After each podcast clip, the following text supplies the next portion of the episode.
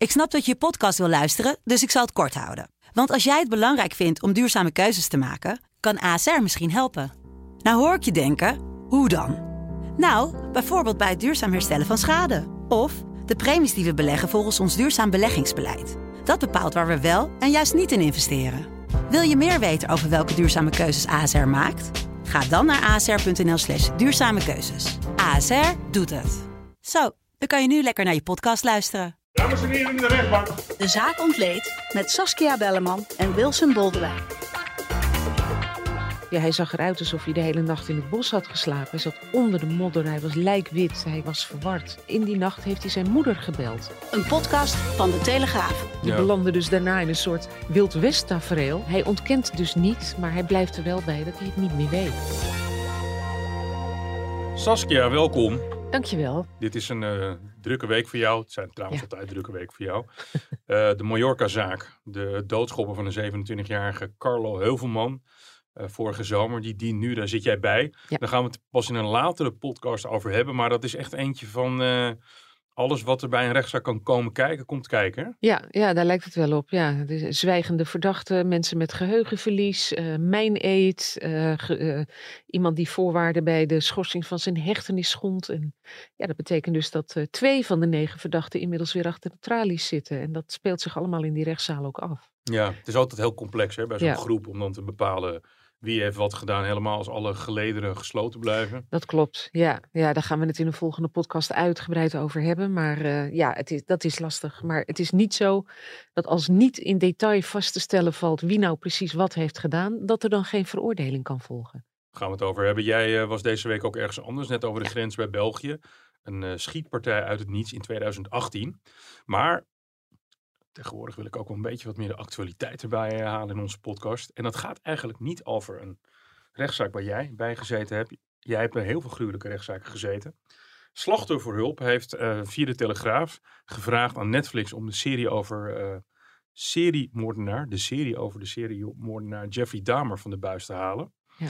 En ik heb dat zelf ook al eerder op Twitter gezet. Ik erger me een klein beetje aan, ehm, aan de aandacht die seriemoordenaars krijgen als Ted Bundy, Jeffrey Dahmer, John Wayne Gacy. Elke generatie is er weer, komt, komt er weer een serie over die gasten uit.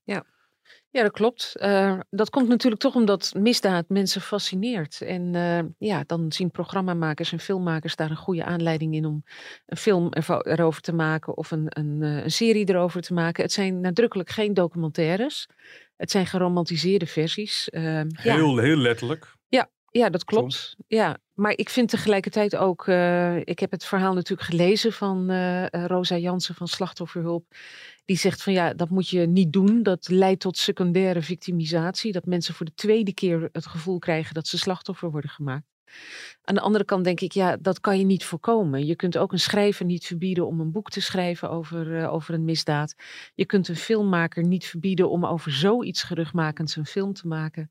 En ja, ik denk dat het netter zou zijn als de nabestaanden waren ingelicht over het feit dat, eh, dat er zo'n serie op komst was. Dat is kennelijk niet gebeurd. Dus ja, nu zag een, een nabestaande tot haar verbijstering hoe zij door een actrice werd nagespeeld terwijl ze in de rechtszaal door het lint ging. Ik kan me voorstellen dat dat je heel onaangenaam treft. Ja, wat ik zo Ehm, ingewikkeld vind aan seriemoordenaars. Kijk, als het over narco gaat, hè, over Mm. eh, eh, Colombia, het gaat over Mexico. Die doen trouwens ook hele gruwelijke dingen. Er worden onthoofdingen in Mexico.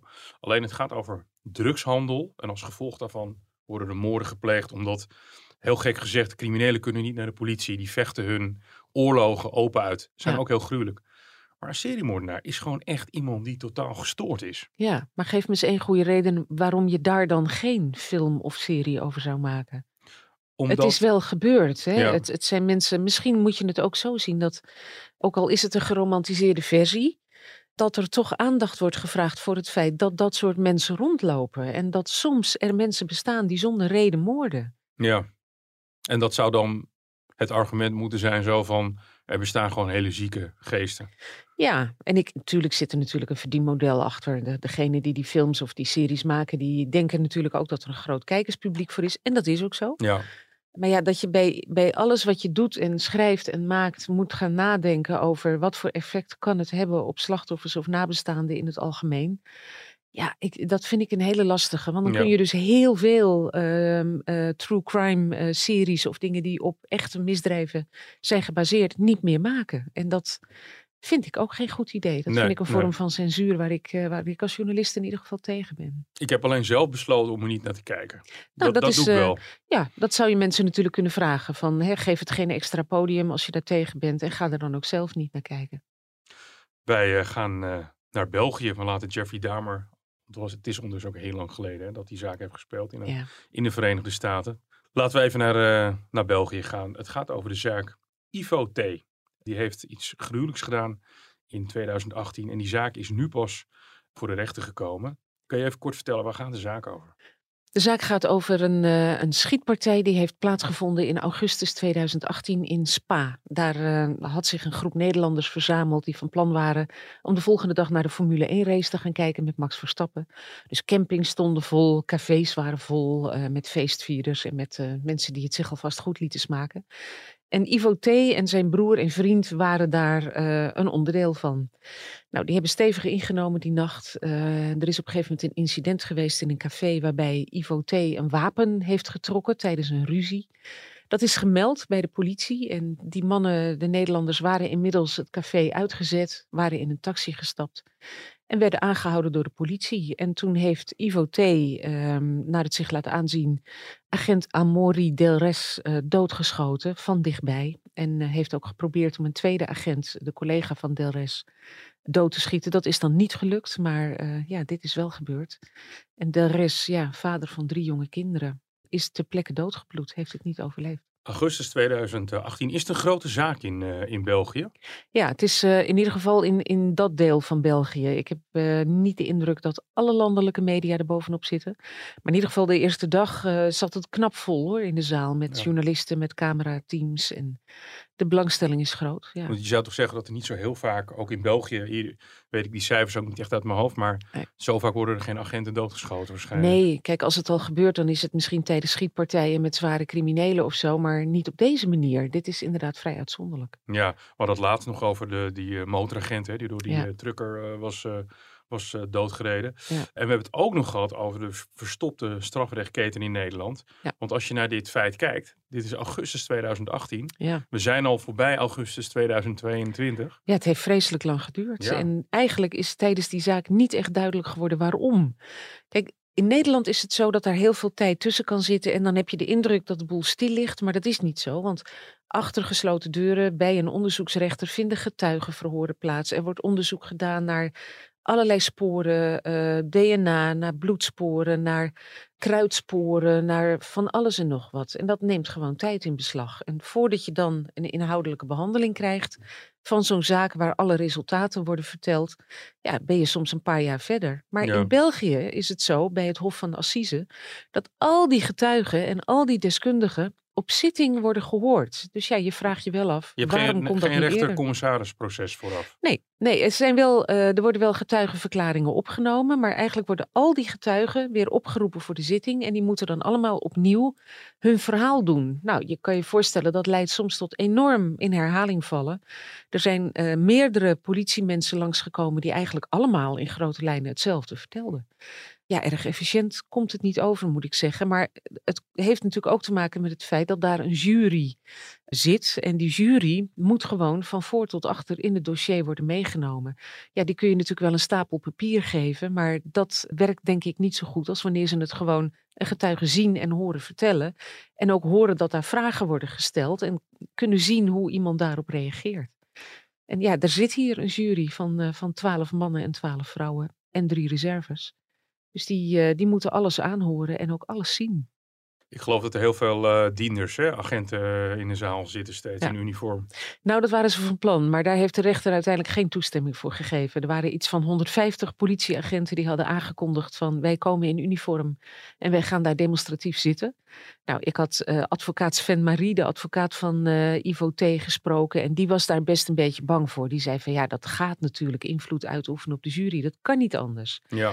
Nou, dat heeft de voorzitter ook zo beoordeeld, dus die heeft daar een stokje voor gestoken en gezegd agenten mogen komen, maar inburger. Ivo T. is dus al uh, vier jaar uh, verdachte. Hij zat ook in uh, Nederland of in, in België in detentie. Ja, hij zit al tijd. vier jaar vast. Hij ja. zit al vier jaar vast. Hij komt uit Brunsum. Ja, in, Schinnen. Schingen. Schinnen. In Limburg. Waarom is hij naar de Grand Prix gegaan en naar die camping en wezen feesten, drinken met een wapen.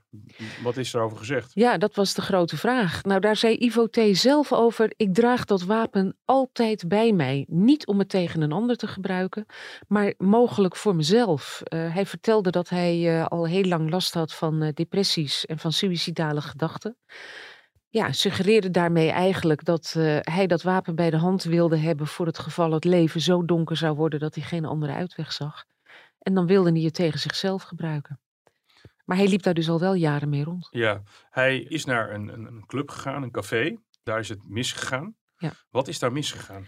Ja, het was zo dat uh, ja, in, een, in een jolige en dronken bui uh, Cyril, de broer van Ivo T., daar de hele tijd een andere bezoeker aan zijn dreadlocks trok. Nou, de man van de dreadlocks was dat op een gegeven moment een beetje zat. Dus die, uh, die duwde hem weg. En daar ontstond dus ruzie. En tijdens die ruzie heeft Ivo T. dat wapen getrokken.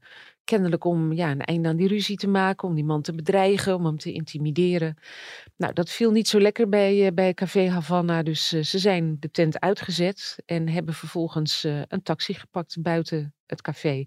Maar de café-eigenaar of het personeel liet daar niet bij zitten. Die hebben de politie gewaarschuwd. Ja, er is ook gezegd tijdens de rechtszaak dat er een uitsmijter zich Ja. had, mee had bemoeid en dat hij daarom getrokken heeft, het wapen. Hè? Ja, de, de versies verschillen een beetje. Eh, de ene getuige zegt het gebeurde binnen en eh, dat het, het was tijdens die ruzie. En de ander zegt dat het de uitsmijter of de portier was die zag dat het wapen werd getrokken. Even tussendoor, ja, ik vond hem te leuk eerlijk gezegd.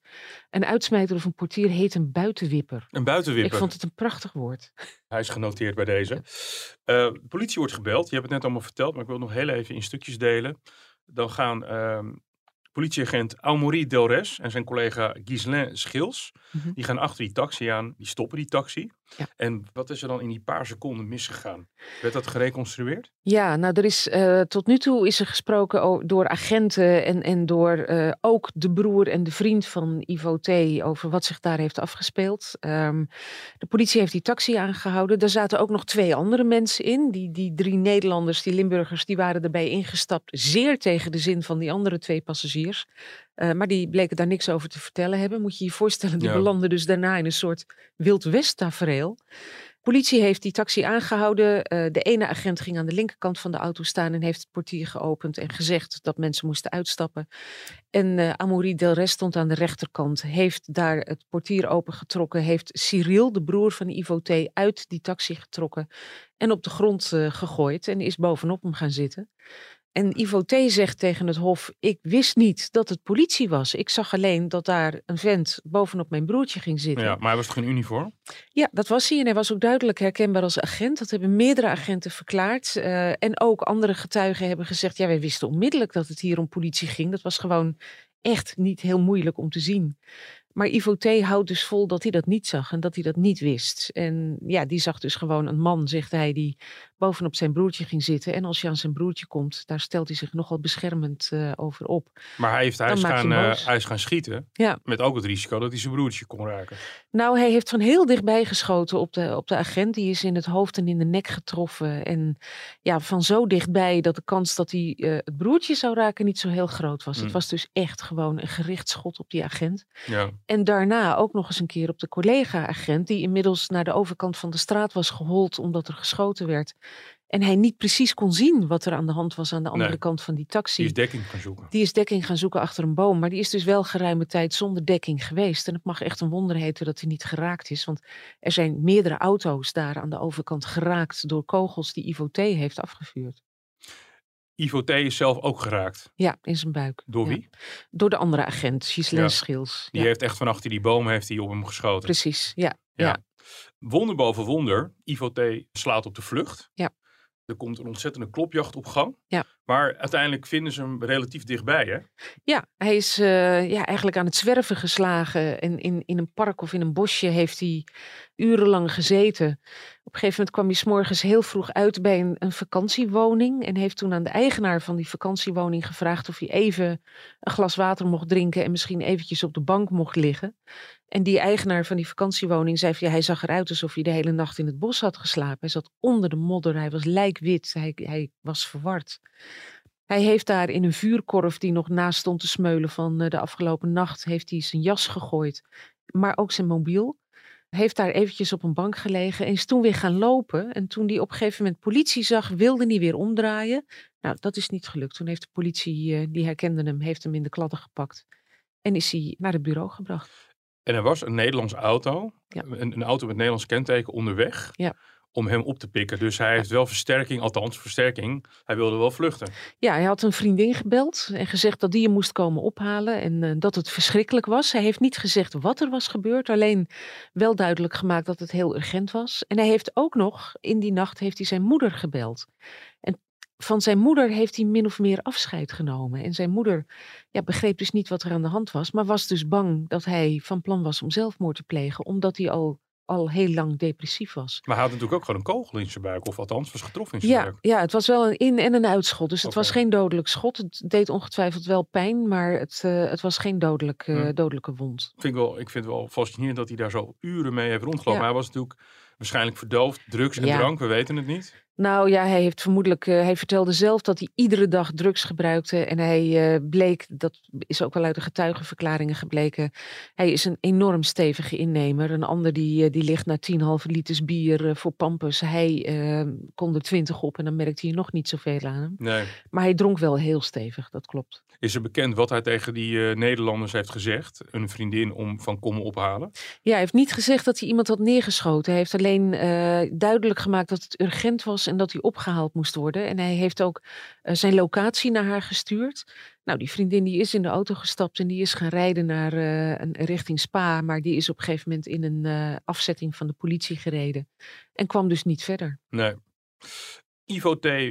die was natuurlijk aanwezig daar in, in die zaak. Ehm, ik lees ook vandaag weer Twitterberichten over, omdat wat jij net vertelde, dat er zoveel weer opnieuw gedaan moet worden. Ja. De nabestaanden van de agent, Ja. maar ook de familieleden van Ivo T. die er natuurlijk ook niet om hebben gevraagd. Nee. Het zit allemaal heel dicht bij elkaar met z'n allen. Ja.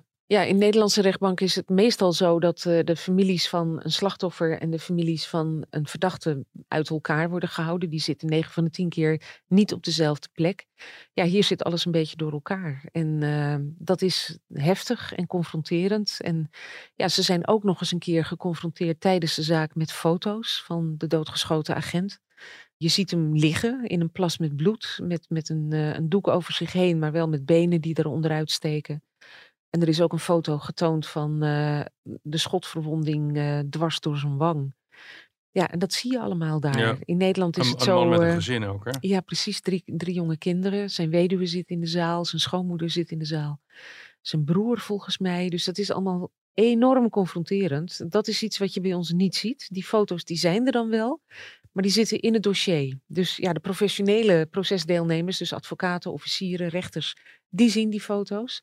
Maar die worden niet getoond in de zaal. Nee. En dat doen ze in, eh, in België dus wel. Hebben we enig idee waarom België dat wel doet? Ja, toch om het ook aan die juryleden te laten zien. Ja. Omdat gewoon alles daar in de openbaarheid plaatsvindt. En je kunt wel zeggen dat eh, rechtszaken daar, zeker bij het Hof van Assise, openbaarder zijn dan bij ons, die Ja. openbare rechtspraak is. Dat is die keerzijde. Dat is de keerzijde, ja. Kijk, het, het sleept zich ook voort. Ze vallen enorm vaak in herhaling. Eh, aan de andere kant kun je dus wel van voor tot achter zien wat er, wat er gebeurt in zo'n eh, zo'n zaak. En je kunt alle getuigen ook zelf horen en je een oordeel vormen Ja. over wat ze vertellen. Jij zit natuurlijk niet zo heel vaak bij rechtszaken waar een jury is. Nee. Zit. Wat, wat voor indruk krijg je van zo'n jury? Ja, dat zijn gewoon doorsnee burgers. En eh, de jury is geselecteerd ongeveer een week voordat deze zaak begon. Een week. Je kon wel merken, ehm, het is niet populair, jurydienst. Dat, dat hoor je in de Verenigde Staten ook vaak. Eh, het is een verplichting, je ontkomt er niet aan. Ja. Dus er wordt, er wordt een grote groep mensen opgeroepen. En dan mogen de advocaten van eh, alle partijen, die mogen juryleden afwijzen. Die mogen er geloof ik zes maximaal afwijzen. En dan wordt er een jury gevormd die zo goed mogelijk een dwarsdoorsnee is van de bevolking. Er zit van alles in. Er zit een tegelzetter in, een huisvrouw, er zit ook een Ja. huisarts in. De huisarts heeft nog uit alle macht geprobeerd om, zelfs nadat hij was geselecteerd, eraan te ontkomen. Maar ja, zei de voorzitter van het Hof toen: meneer, we kunnen niet alleen maar werklozen in de jury zetten. Het moet gewoon een representatieve afspiegeling zijn. Het is wel eh, apart, hè? Dat, eh, er wordt eh, Nederlands gesproken. Je mag het niet, niet Vlaams noemen, het is Nederlands wat ze spreken. En toch is het, is het, zijn het twee totaal verschillende landen in heel veel opzichten. hè? Ja, dat zijn het. En ja, er wordt, eh, het proces wordt in het Nederlands gevoerd, omdat eh, die keuze aan de verdachte is. En Ja. de verdachte, Ivo T., heeft in dit geval gezegd dat hij het graag in het Nederlands wilde. Wat je je kunt voorstellen, want dan kan hij zijn eigen proces natuurlijk beter volgen dan wanneer het via een tolk gaat. Maar het betekent wel dat bijvoorbeeld alle politieagenten en, en familieleden van eh, de agent, die worden gehoord, en ook die collega-agent, allemaal Frans spreken. En dat moet allemaal vertaald worden door, door tolken. Om het nog even simpeler te maken. Het is Ja. gewoon een complexe zaak. En Enorm. krijg je ook nog die taalbarrière eh, ertussen. Ja, Ivo T. Ja. Jij hebt hem gezien. Ja. Hij zit al vier jaar in detentie. En hij zegt dat hij in die vier jaar enorm bezig is geweest met ja, de, de stukjes van de legpuzzel te leggen. Hij zegt dat hij zich van die schietpartij niets kan herinneren. Hij kan zich nog herinneren dat hij een man bovenop zijn broertje zag zitten. En hij kan zich het moment herinneren waarop hij bij die vakantiewoning was en werd, eh, werd aangehouden. Ja. Eh, En that's it. Maar zegt hij, het kan niet anders. Ik moet het wel gedaan hebben. Het is dus niet echt Hij is wel zo sportief. Even Nou ja. sportief tussen aanhalingstekens. Ja, het valt ook bijna niet te ontkennen. Nee, kijk, dat wapen is nooit teruggevonden. Normaal gesproken, als je dat wapen terugvindt, er zit DNA op. Dan, Ja. Nou ja, dan kom je ook alweer een stap verder. Dat wapen is, eh, is nooit teruggevonden. Maar hij zegt zelf ook van ja, ik, ik had dat wapen op zak. Eh, de kogels eh, die, die Amori del Res fataal zijn geworden, die passen bij die Walter P38 is het geloof ik, die hij in bezit had.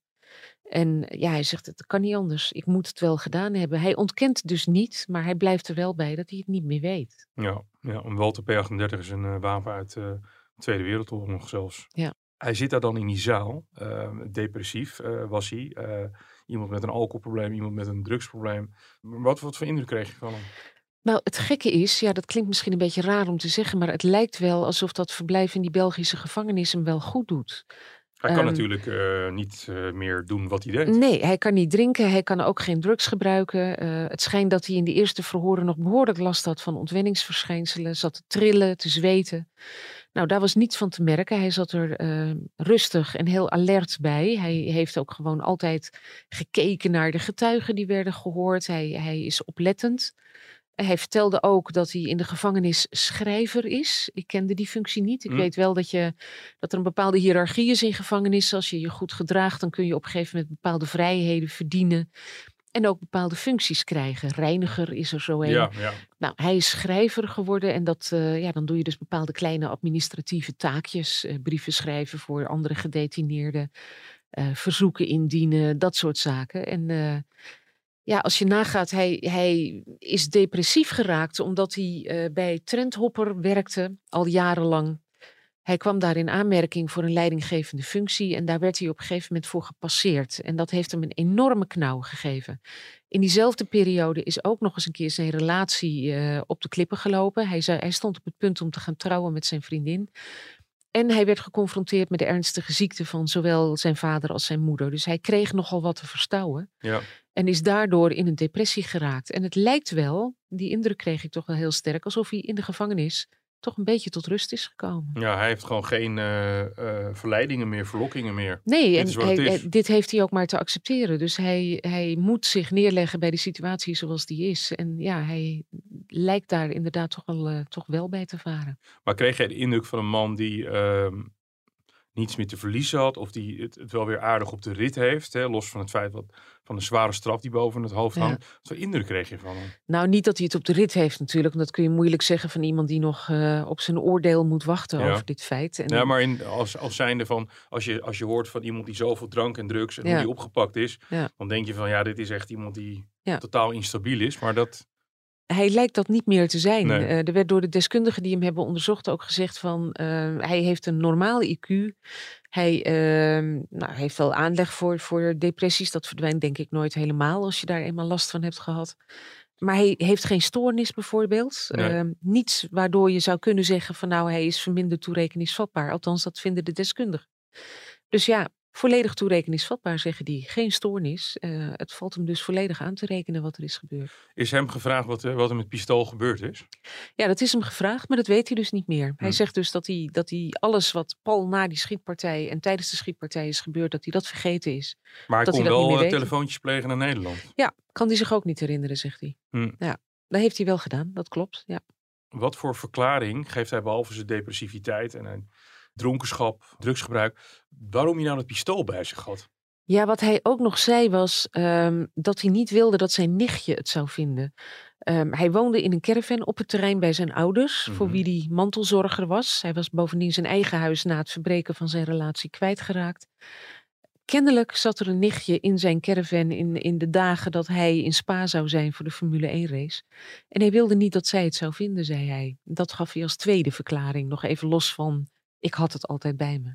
Hij wordt bijgestaan door Sven Marie, Ja. een hele bekende Belgische strafpleiter, onder andere van eh Salah Abdeslam. Nou, dat is een van die aanslagplegers van, eh, in eh, Parijs Ja. en, en Brussel. Ehm, is er een beetje verschil hoe een, een Belgische advocaat pleit of zich opstelt in de rechtbank ten opzichte van Nederland? Nou, je kunt echt wel merken dat eh, advocaten, er zitten er meerdere, hè, behalve Sven Marie zitten daar ook advocaten namens de nabestaanden, maar Ja. ook namens het politiekorps waar de rest bij behoorde en ook namens de weduwe en de kinderen. Die spreken met enige regelmaat de jury rechtstreeks toe. Dan gaan ze staan en dan willen ze toch even duidelijk maken Kennen van... wij van Amerikaanse films. ja, Ja. Daar, daar lijkt het wel een beetje op. U heeft dit horen zeggen. eh, neem daar goede nota van. Ik vind dat belangrijk. Eh, nou, dan, dan hoor je ook wel een klein beetje welke kant het soms opgaat. Ja, dat is iets wat wij niet kennen. Bij ons heb je gewoon een, eh, een vast, eh, vaste formule, zeg maar. De, de Je praat officier... altijd via de voorzitter, zeg maar. Ja, precies. En wat je bij ons ook niet hebt is, eh, de officier van justitie draagt de zaak wel voor, maar dat is doorgaans vrij kort. Nou, hier duurde dat twee uur. Mm. En dat leek wel zo'n beetje het requisitoren al te zijn van de officier. Het eindigde dan weliswaar niet met een eis, maar het waren 47 pagina's waarin hij uitgebreid het hele onderzoek uit de doeken deed. Wat nu eigenlijk de afgelopen dagen ook weer dunnetjes wordt overgedaan met die getuigenverhoren. Had hij een Nederlandse advocaat kunnen nemen? Dat kan in principe wel, maar die moet dan wel eh, bij de balie in België geaccepteerd zijn. Dan moet je wel voor een Belgische rechtbank mogen optreden. Maar iemand als Ines Wesky eh, heb ik een keer meegemaakt bij een hof van Assise. En die mocht daar optreden, dat klopt. De voorzitter heeft gezegd, eh, hoe noemen ze, hoe, hoe noemen ze de, de oudste rechter eigenlijk? Ik weet niet of ze dat nou de oudste rechter noemen daar. Wij hebben daar natuurlijk wel die benamingen Ja. voor. Hè? voor eh, vanuit de zaal gezien, de rechter die rechts van de voorzitter zit, is de oudste rechter. Ja, Niet in jaren, maar in ervaring. ja.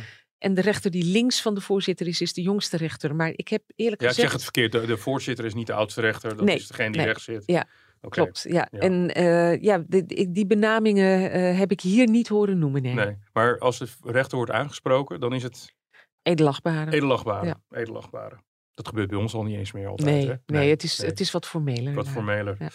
De voorzitter, want daar begon ik over, die Mhm. zei van eh, jury, jullie krijgen heel veel informatie. Ja. Redelijkerwijs is het voor, voor mensen die gewoon eh, tegelzetter zijn, is het niet een informatieoverflow? Is het niet veel te veel? Ja, ik kan me voorstellen dat het dat is, want het is verschrikkelijk veel. Er werd bijvoorbeeld in het begin door de voorzitter ook heel duidelijk verteld aan de jury, daar stond hij uitgebreid bij stil.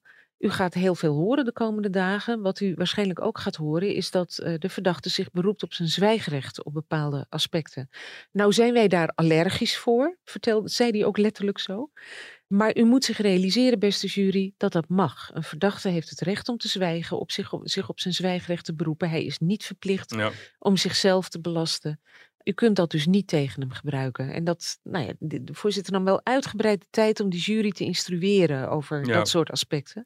Vond Ik- ik wel heel goed. Ik dacht Ja. eigenlijk van dat zou in Nederland wel eens vaker mogen gebeuren door voorzitters. Wij hebben weliswaar geen jury, maar er zit natuurlijk wel publiek in de zaal. Toch en elke keer weten die ook niet procedure, altijd. die procedures nou ja, leg het even in het kort uit. Ja. Ja. waarom niet? Zijn er nog eh, knelpunten? Omdat het is natuurlijk, je, je zou kunnen zeggen, als je een pistool bij je hebt, is het volbedacht raden geweest. Ja.